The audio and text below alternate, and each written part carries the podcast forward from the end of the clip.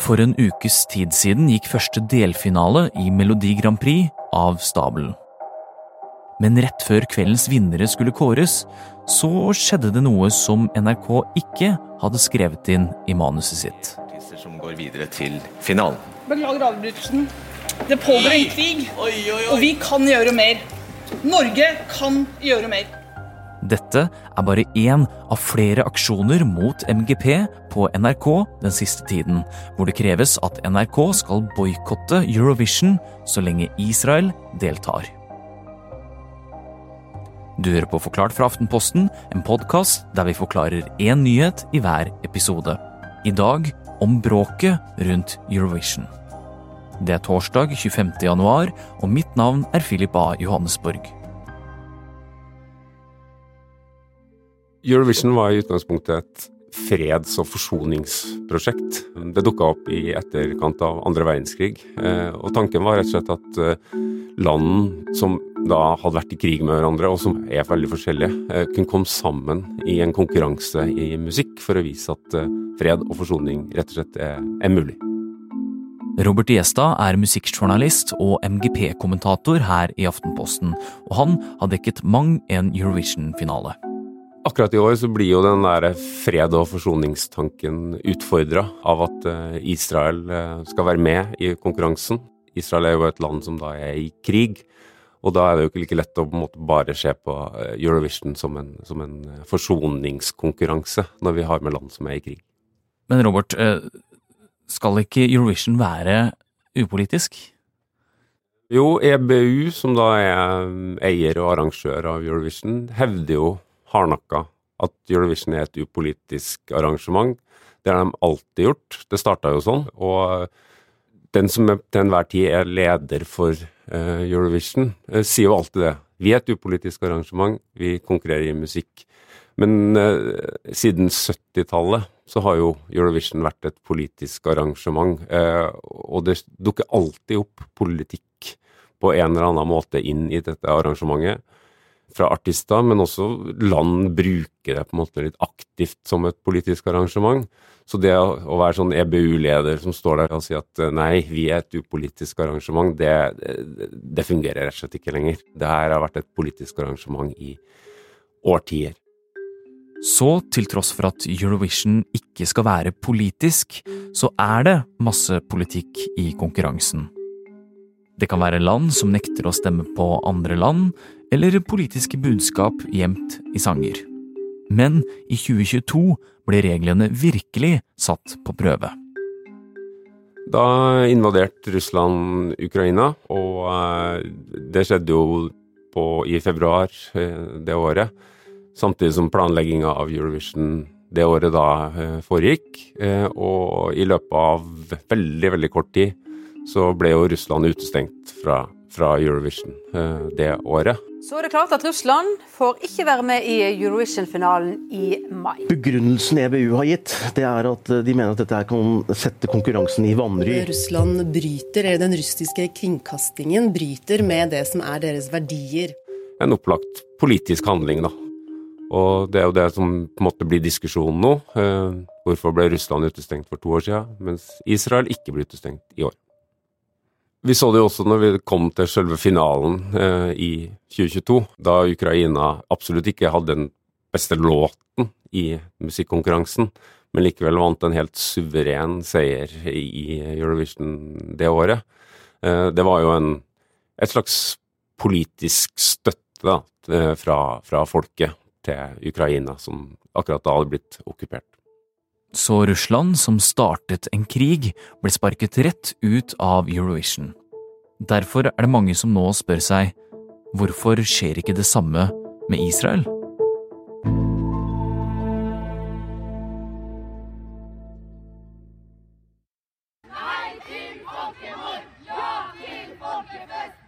De to siste lørdagene har det vært demonstranter utenfor NRK.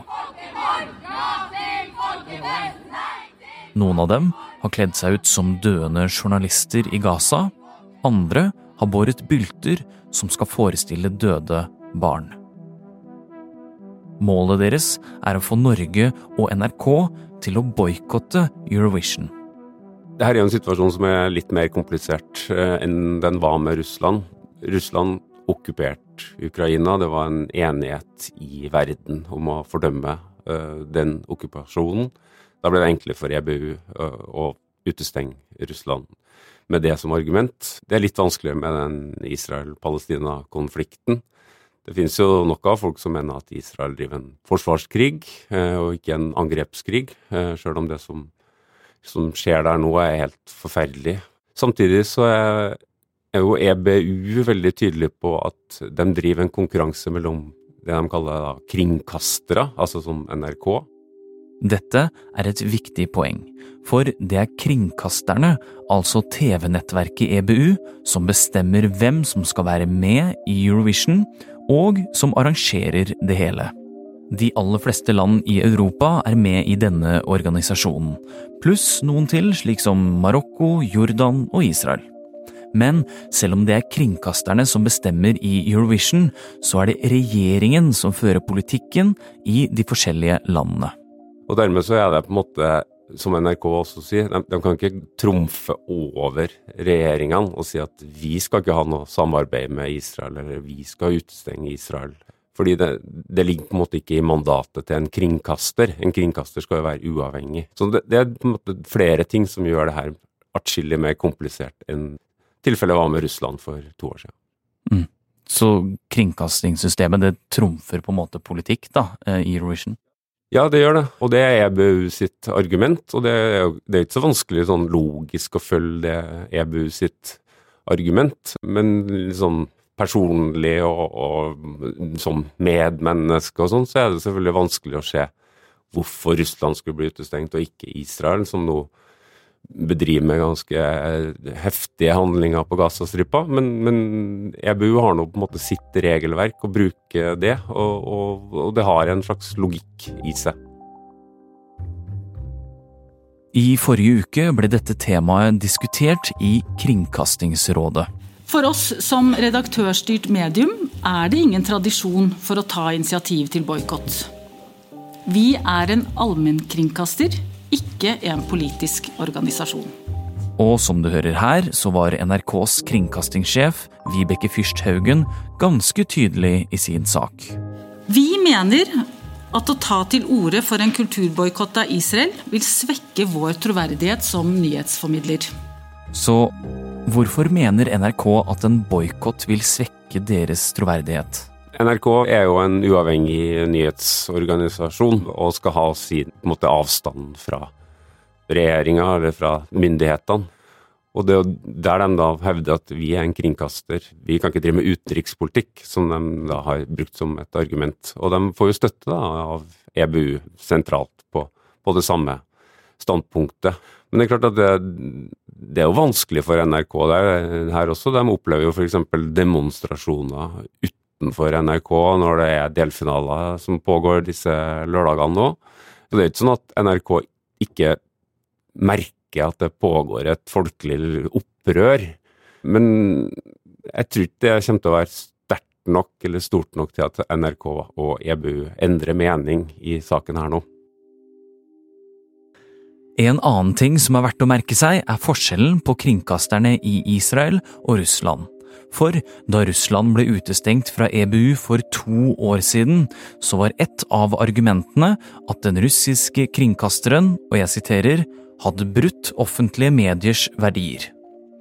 For det er dokumentert at den russiske regjeringen bestemmer hva den russiske kringkasteren kan si og ikke kan si. Noe slikt har ikke kommet frem om Israels kringkasting.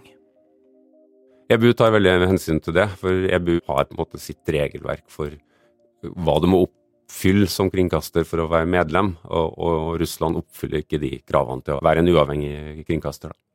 Men Robert, etter alt som har skjedd med Russland, hvordan kan EBU hevde at de er upolitiske?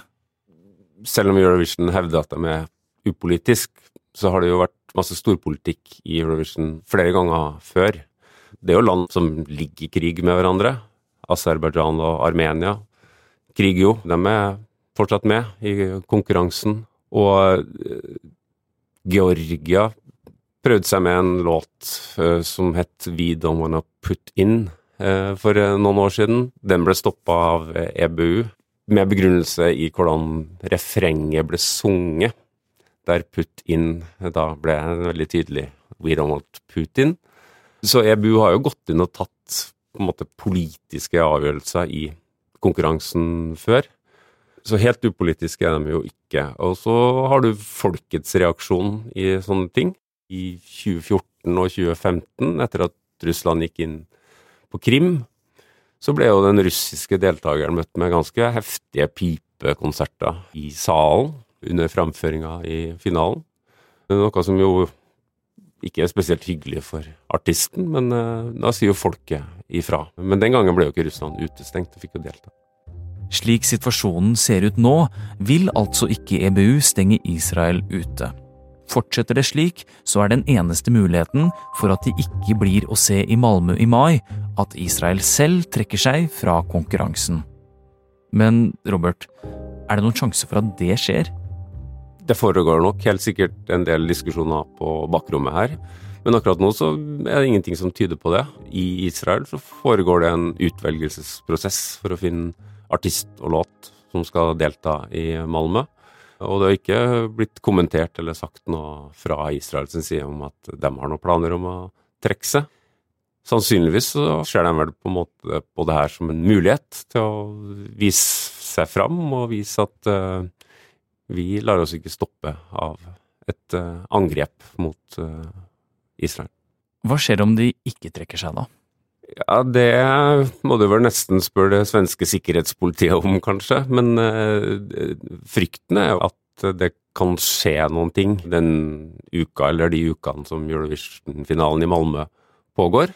At det blir et heva sikkerhetsbilde uh, hvis Israel deltar, det er jo helt uh, sikkert. Malmö er jo et, en by der det allerede er en del utfordringer med antisemittisme og, og har masse med palestinske innbyggere, så i hvert fall ganske mange fra området som bor der.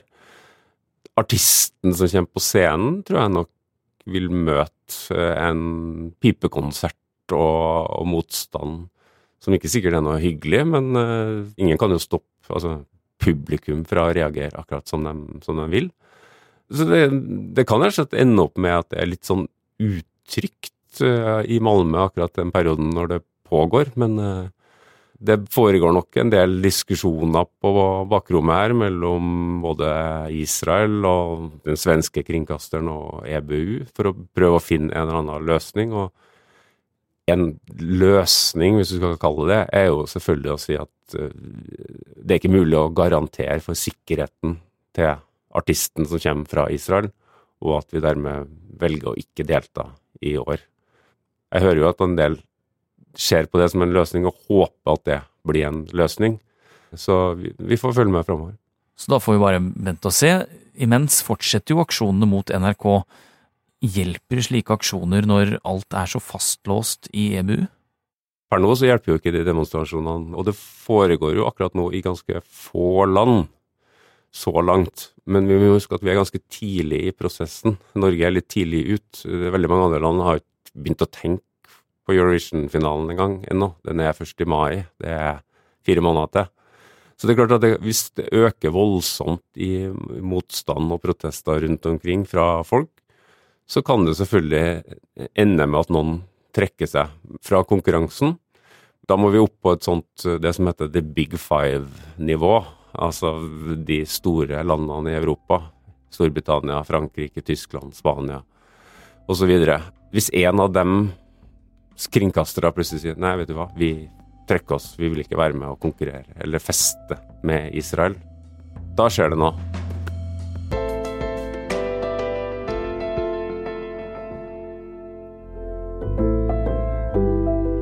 Du har hørt en podkast fra Aftenposten. Det var Robert Gjestad som forklarte deg kontroversene rundt Israel i Eurovision Song Contest. Lyden du har hørt, er hentet fra NRK, VGTV og Dagbladet TV. Denne episoden er laget av produsent Fride Næss Nonstad, Heidi Akselsen og meg, Philip A. Johannesborg. Resten av Forklart er Synne Søhol, Olav Eggesvik og Anders Weberg.